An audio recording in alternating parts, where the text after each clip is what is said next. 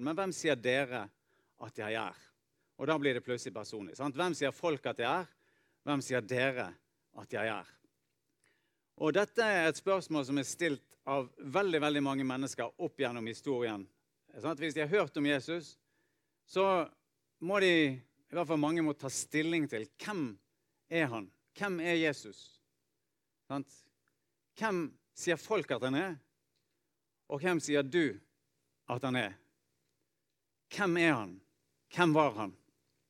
For noen år siden så var det en reportasje i Sunnmørsposten. Jeg har svigerforeldrene mine her. De har bodd på Sunnmøre i mange mange år. Kanskje kjenner dere igjen noen av folkene som går opp på skjermen her. Sånn, jeg hadde lyst til å gjøre intervjuer nede i Arnøy, men jeg fikk ikke gjort det. Men her kan vi se hva noen sier om hvem Jesus er. Her har vi Libgard Andersen fra Ålesund. Hun sier han var et eksempel til etterfølgelse. Ikke ute etter materielle goder eller redd for å dø hvis det var nødvendig for et godt formål. Han var veldig skriftlærd, men om han var Guds sønn Vi er alle Guds barn.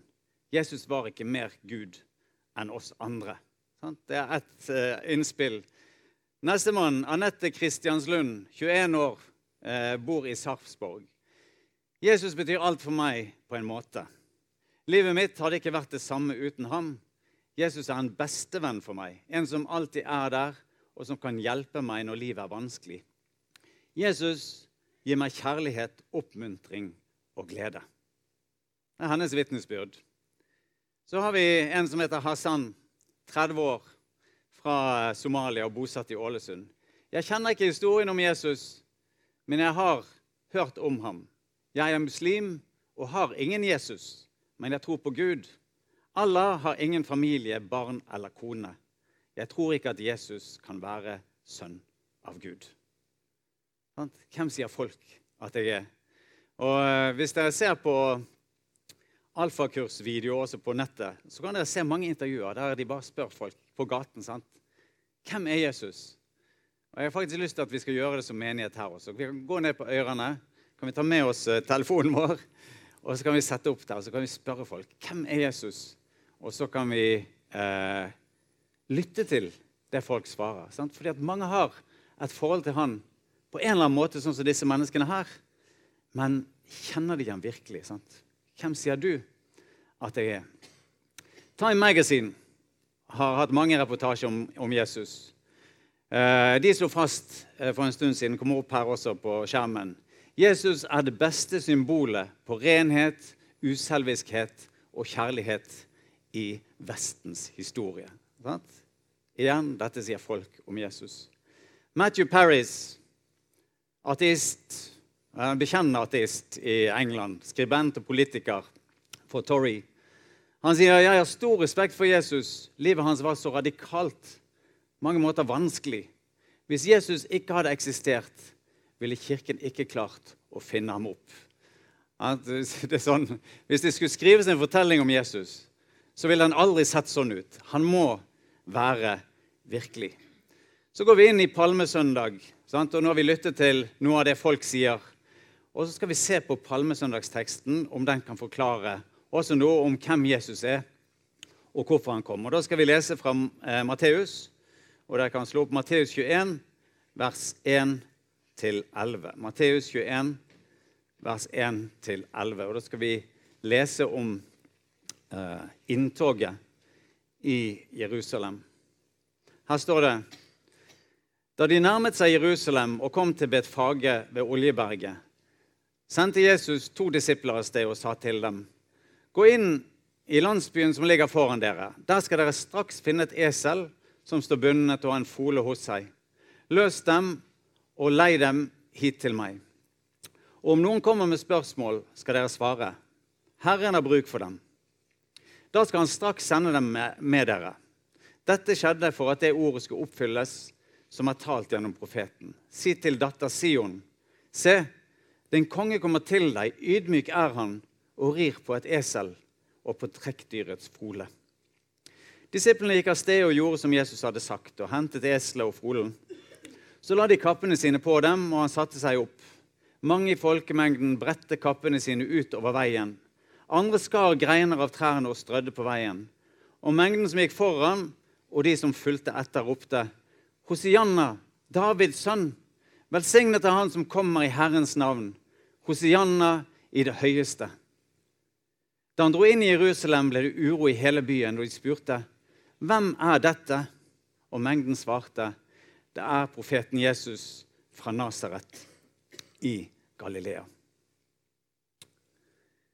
Den uken som ligger foran oss nå, og Jon Karsten har nevnt det allerede, det er en veldig veldig viktig uke. Det er den, helt, den sentrale uken i den kristne tro. Og Hvis vi leser evangeliene, sant? vi har fire evangelier i Bibelen, så er ca. en fjerdedel av alt som står i evangeliene, det handler om denne uken som nå ligger foran oss. Så det, det, Akkurat som alt det andre er på en måte en forberedelse til det som nå spilles ut, og som evangeliene bruker veldig, veldig mye tid på.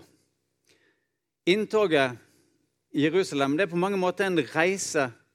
sånn at Vi reiser sammen med Jesus inn i det som er sentrum av hans gjerning på jord. Det er selve årsaken grunnen til at han kom, det skjer eh, denne uken her.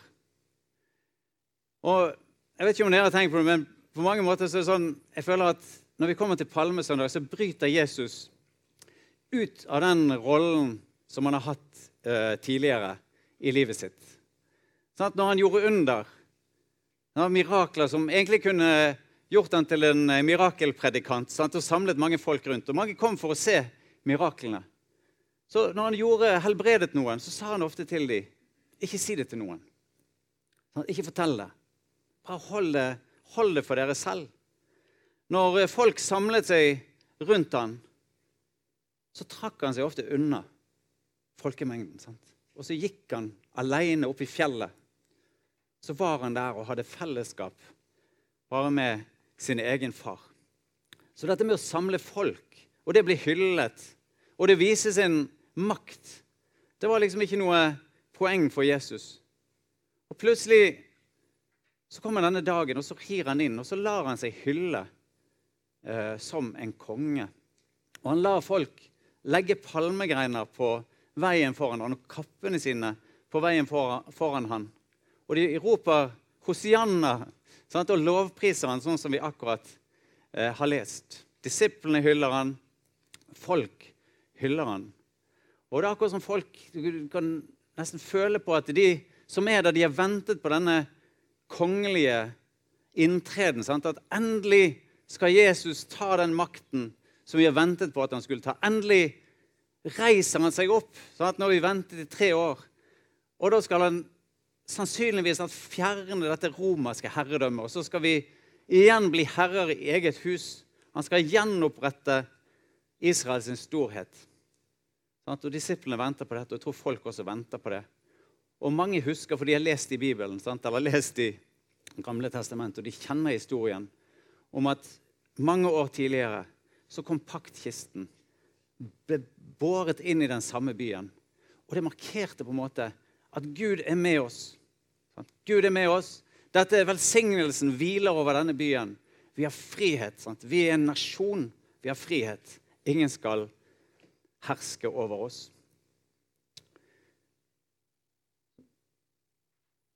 Sånn er måte, den eh, rojale, den kongelige inntreden. Men det er noe som skurrer likevel i denne fortellingen. Det skurrer litt. Og jeg tror at eh, De romerske soldatene sant, som var ordenspoliti på den tiden, og skulle passe på at alt er rolig i Jerusalem, sånn at vi må, vi må kontrollere folk her de må, vært, eh, de må, ha vært, litt forundret over dette opptoget.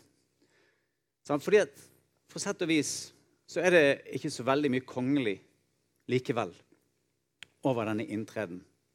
Hadde de vært og Vi har sett filmer sant, fra, fra, Roma eh, når de hadde sånn par, militærparade. Sant, og de kom hjem fra de store felttogene.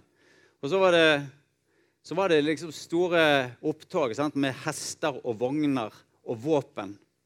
Og da var det skikkelig, skikkelige saker. Litt sånn som vi ser disse militærparadene i dag. Altså, eh, myndighetene skal vise fram alle våpnene sine. Sånn var det. Det var pomp og prakt. Og så ser de kanskje denne mannen som kommer. En mann i 30-årene. Ridende på ikke en hest, som er det kongelige, eh, kjøretøy, jeg holdt på å si. Kongledyret. Sant? Men han rir på et esel. Sant? Han kommer Har ikke engang en sal, sant? men han sitter oppå en, bare en lånt kappe. Og de eneste folke, folkene som er nevnt, liksom, som er beskrevet i historien her eh, Hvis du leser alle evangeliene, De eneste som er spesifisert at var til stede, det er blinde og lamme og folk fra Betania og Galilea. Trolig bønder i byen. Bønder i byen. Det er de som er der rundt Jesus og lovpriser han. Og Mangelen på denne kongelige opphøydheten er nesten helt påtakelig. Og sånn passer sant? Han kommer ydmykt og ridende på et esel. Og sånn passer dette inntoget i Jerusalem. Det passer med resten av Jesu liv. Han som ble født Da han ble født, så ble han født inn i en fattig familie, i en stall.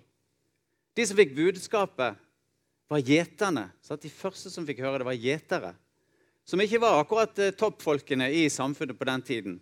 Det var de som var leid inn til å passe på dyrene. De aller, aller laveste på mange måter. En gruppe som var sett ned på. Han var på flukt tidlig i livet. Trolig også ble han farløs da han var ganske ung. For vi leser jo ikke noe mer om Josef utover i fortellingen. Dette er livet. Sant? Dette er livet. Og vi kan høre også når Jesus gir, rir inn her, nesten en gjenklang av en av de programerklæringene som Gud har gitt i, eh, hos Jesaja. Han sier så sier han som er høy og opphøyd, han som troner evig. Den hellige er hans navn. Han sier, 'I det høye og hellige bor jeg, og hos den som er knust og nedbøyd i ånden.' Jeg vil gi eh, ånden liv hos dem som er bøyd ned, gi hjerteliv hos dem som er knust. Og Sånn lyder kallet inn til oss i dag også. Følger vi etter Jesus, han som rir inn ydmykt på et esel, så jeg kaller det samme i dag. At uh, bring evangeliet. sant? Ikke nødvendigvis til, bringe det overalt, sant? men bring det også til de som er aller mest mottakelige. Ofte er det også i dag de fattigste. Jeg får reise mye rundt omkring i verden. Og jeg opplever nok at det er nettopp i de fattigste landene at Jesusgleden er aller, aller størst. Der er det Litt pga. kultur også, men der er det jubel og dans under ofringen. Her trykker vi på telefonen, så vi gir via VIPS. Men her, der står kollektbøssen framme. Og så er det sang og dans, og folk danser fram. Og så ser du knapt at de slipper pengene ned i den der eh, kollektbøssen, fordi det er en del av selve dansebevegelsen. Og sånn er gleden der. En jubel under ofringen. Sånn en Jesusglede, et ønske om å delta. Jeg har fortalt eh, tidligere om en som vi kjenner som heter David Lim, som jobber inn blant de fattigste av de fattige på Filippinene. Leder en sånn huskirke, huskirkefellesskap, husmenighetsfellesskap. Han sier selv om familien ikke har mat, nok til mat, sant? så når vi samles, så har vi alltid et verdenskart på bildet. For det er vårt DNA som kirke. Og så sier vi Jesus har kalt oss til å bringe evangeliet til hele verden. Hvordan skal du og jeg delta? Og så er Jesusgleden der, og så sier folk vi kan delta. Vi kan be. Vi kan be om at evangeliet går fram. Og sånn ser vi denne gleden. sant? Og Vi ser at Kirken går fram ofte. Evangeliet går fram i fattigdom, men strever i rikdom. Som Jesus sa, oversatt til Arnas språk. Det er vanskeligere for en rik å komme inn i himmelens rike enn for en hval å svømme opp til osevann. Det er faktisk umulig. Det er faktisk umulig. Hadde han talt her, så hadde han sikkert sagt det. Vi har ikke kameler, men vi vet om hvaler.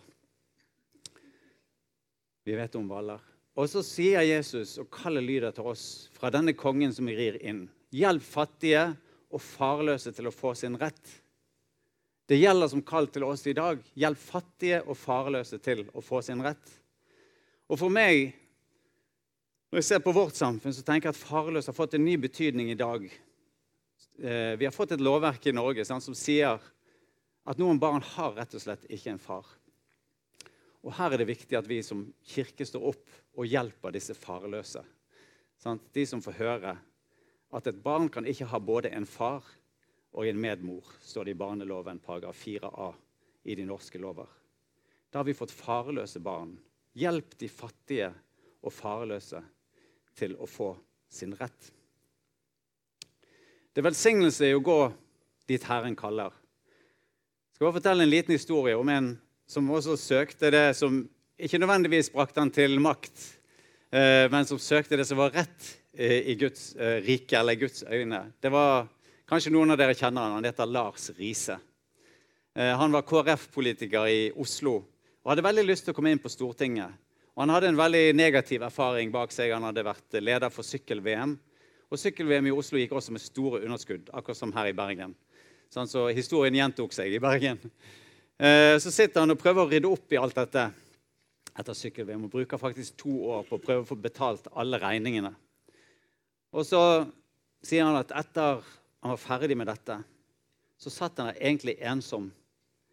Følte seg ensom og forlatt og sto på KrF sin liste. Følte han hadde få venner. Visste ikke hvordan han skulle jobbe for å komme inn på Stortinget. Så sier en mentor til han, en som var i utlandet, sier han, du må alltid søke de som Jesus, søke fellesskap med de som Jesus ville vært sammen med. Så tenkte han over det, så sa han hvem er det Jesus ville valgt i denne byen, i Oslo?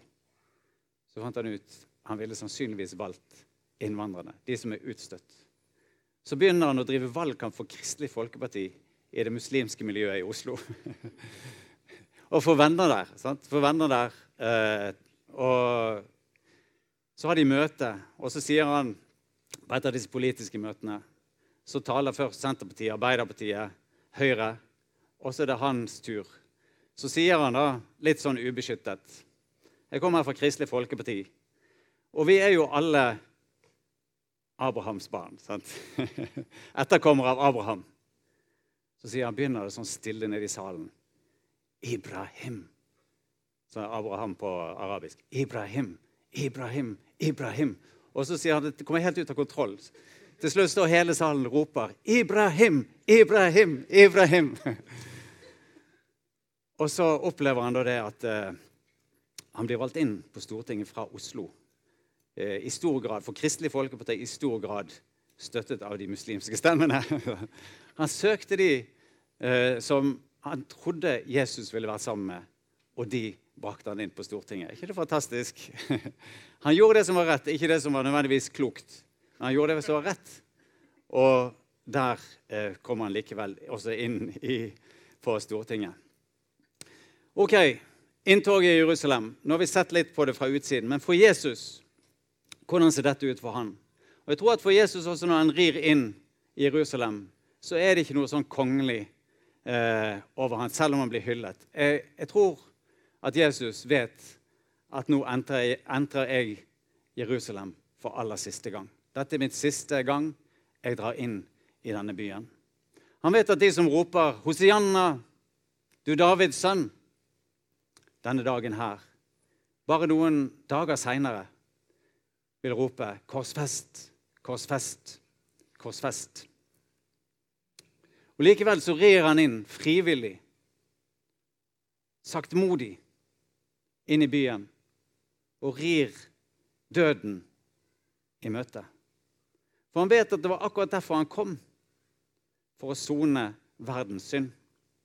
Like etter inntoget i Jerusalem i en annen, et annet evangeliene, i Johannes, så står det Jesus sier selv Hvis ikke hvetekornet faller i jorden og dør, blir det bare det ene kornet. Men hvis det dør, bærer det rik frukt. Jesus vet jeg er det hvetekornet som må falle i jorden og dø. Og så fortsetter han med å tale til disiplene og til oss. Så sier han den som elsker sitt liv, skal miste det. Men den som hater sitt liv i denne verden, skal berge det og få evig liv. Hvem er denne kongen som rir inn? Han er en konge som ikke søker oppmerksomhet. Han er en konge som har kraft til å helbrede. Han er en konge som har skapt alt. Han er en konge som har all makt i himmel og på jord men som avstår fra å bruke den makten. Han er en konge som ikke søker posisjon i verden, men tvert imot sier 'mitt rike er ikke av denne verden'. Truet av eh, eh, denne verdens makter, sier han. 'Min kongsmakt er ikke av denne verden'. Var min kongsmakt av denne verden, hadde mine menn kjempet for at jeg ikke skulle bli overgitt til jødene. Men min kongsmakt er ikke herfra. Så blir dette en korreksjon til alle oss som gjerne ønsker det som hører denne verden til. Sant? Posisjon og makt. Av og til smelter det der med posisjon og makt kan nesten smelte sammen med det kristne budskap. Sant? At uh, vi, vi, som kristne vi må, av og til kan du høre, vi må innta alle samfunnsområder. Vi må komme oss i posisjon, og da blir dette plutselig et godt samfunn å leve i. Jeg tror på at kristne kan gå inn i alle roller og kan være kalt til å gå inn i alle roller i samfunnet. Men vi må være forsiktige, fordi at kallet vårt gjelder aldri posisjon. Men kallet vårt gjelder etterfølgelse og lydighet. Av en som aldri, lydighet mot en som aldri søkte det som denne verden var opptatt av. Aldri. Det er han vi følger etter. Så hvis vi kjenner at nå er min kamp plutselig for posisjon, så er vi i ferd med å feile på målet. Jesus er en konge som understreker sin eneståenhet. Og nettopp det blir angrepet i dag. Jeg vet ikke om dere opplever at folk sier Hvordan kan dere virkelig tro at dere er de eneste som kjenner veien til frelse? Sant? Se på muslimene. De er jo like hengivne i sin tro som dere. Se på buddhistene. Se på hinduene. Like hengivne. Hvordan kan dere tro at dere har den eneste veien til frelse? Det høres rimelig arrogant ut. Men her kan jeg si, det er, ikke, det er faktisk ikke vi som sier det. Det er Jesus selv som sier. Han sier, 'Jeg er veien, sannheten og livet'. Ingen kommer til Far uten gjennom meg. Og Det er derfor vi som hans etterfølgere sier det samme. Vil du følge Jesus, så følger vi det som han underviste. Og Jesus han skiller seg fra alle andre religiøse lærere på et veldig viktig punkt. Og det er at han på en fin måte da, setter seg selv i sentrum. Der Buddha, Muhammed og de andre de pekte på sannheten, sa dette, dette kan du lære om sannheten. Så sa Jesus, 'Jeg er sannheten'. En helt annen tilnærming. Sant? Jeg er sannheten. Der de andre pekte på veien til et godt liv, og til kanskje å komme ut av dette livet og inn i et enda bedre liv, så sa Jesus, 'Jeg er veien. Jeg er livet'. Jeg er livets brød. Jeg er kilden til det levende vann. Den som tror på meg, som Skriften har sagt, fra hans indre skal det flyte strømmer av levende vann. Jesus i sentrum. Kom til meg, alle dere som strever. Ikke dette er det du må gjøre, men kom til meg, alle dere som strever og har tungt å bære, og jeg vil gi dere hvile. Relasjonen til den kongen som rir inn i Jerusalem, avgjør livet. Hvem sier folk at de er? spurte Jesus disiplene. Og disiplene de svarte Kan vi få det opp på skjermen her? Her er det disiplene svarte. Noen sier døperen Johannes, andre Elia og andre igjen Jeremia eller en annen av profetene. Og Så spør han videre, men hvem sier dere at jeg er? Og da kommer Peter med sin bekjennelse, som vi får på neste bilde. Han sier, du er Messias, den levende Guds sønn. Og det vitnesbyrdet har gått fra generasjon til generasjon opp til i dag. Hvem sier du at jeg er? Her har vi Bono fra U2. Han sa enten var Jesus Guds sønn, eller så var han gal. Jeg tror han var Guds sønn. Jeg tror han var Guds sønn. Så kommer spørsmålet som hver og en av oss må stille seg. Sant? Hvem sier du at jeg er?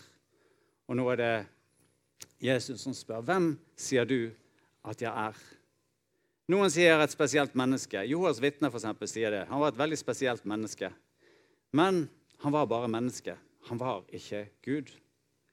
Noen sier han var en herre blant mange. Noen sier han var en god lærer, en innflytelsesrik person, et godt menneske, en som gjorde mirakler. Vet dere at Guds motstander vet alt dette, men han bøyer seg likevel ikke under Jesus. Den eneste trosbekjennelsen som bærer, det er at vi sier Jesus, han som rir inn i dag, han er verdens frelser. Og enda mer han er min frelser. Når vi tar imot han som vår frelser, så begynner reisen sammen med Jesus. Og vi vet ikke hvor den vil ta oss. Sant? Og kanskje tar den oss til alle ordene begynner på M her. Majestet. Sant? At vi får en posisjon som alle ser opp til i samfunnet. Så er det vel og bra hvis etterfølgelsen av Jesus eh, fører oss dit. Kanskje kaller Jesus oss bare til å være et medmenneske. Det kaller han alle til. Men uten at vi skal bli kjent. Sant? Og så opererer vi bare i samfunnet på hans vegne uten å bli kjent. Ja, da er det utrolig bra. Kanskje kaller han oss til å være martyr. Og da er det også greit for oss. En som fulgte etter Jesus bare noen år seinere, inn gjennom de samme portene i Jerusalem, var Paulus. Han hadde blitt fortalt på forhånd at det er lenker som venter deg når du kommer til Jerusalem. Og dette kan være slutten på din tjeneste. Du må ikke reise dit, sa profetene til han. Men Paulus sa, 'Jeg vet hva som venter meg. Jeg skal dra likevel.' Vi vet ikke alltid hvor hen reisen eh, bærer, men vi vet hvor hen den ender den ender i Guds fullendte rike. Halleluja! Halleluja. Reisen med Jesus er spennende uansett hvor den bringer. Jeg har lyst til å slutte med to vers som sier noe om dette livet eh, som vi har eh, hos Jesus. Johannes 10,10 10 sier tyven kommer bare for å drepe, stjele og ødelegge. Jeg har kommet for at dere skal ha liv og overflod. 1. Johannes 5,12. Den som har Sønnen, har livet. Men den som ikke har Guds sønn, har ikke livet. Skal vi be. Kjære Jesus, takk for eh, det vi har fått dele i dag. Og be Jesus, eh, du taler på forskjellige måter inn til, eh, inn til oss. Og det er forskjellige ting du ønsker at vi skal huske å handle på også. Og vi ber om at det som du har talt inn i våre liv i dag, at det skal få ja, At vi skal ta imot til Jesus, og at vi skal handle på det. Og Hjelp oss til ikke å utsette det som vi trenger å gjøre, men å, å, å både lytte til dine ord og gjøre det de sier. Ber vi Herre om eh, din velsignelse over hver og en som er her. Eh, vi ber om en velsignet påske, at vi skal få følge dette, denne reisen Herre, inn i Jerusalem og dette påskedramaet som nå spiller seg ut. At du skal få tale på nytt til oss denne påsken, og at vi skal få se nye ting, eh, oppdage nye ting eh, om hvem du er gjennom disse dagene og gjennom denne reisen. Så ber vi samtidig Jesus om at vi også i denne høytiden at eh, du skal velsigne oss, og at vi skal få være til velsignelse for menneskene rundt oss. Det ber vi om i Jesu navn. Amen.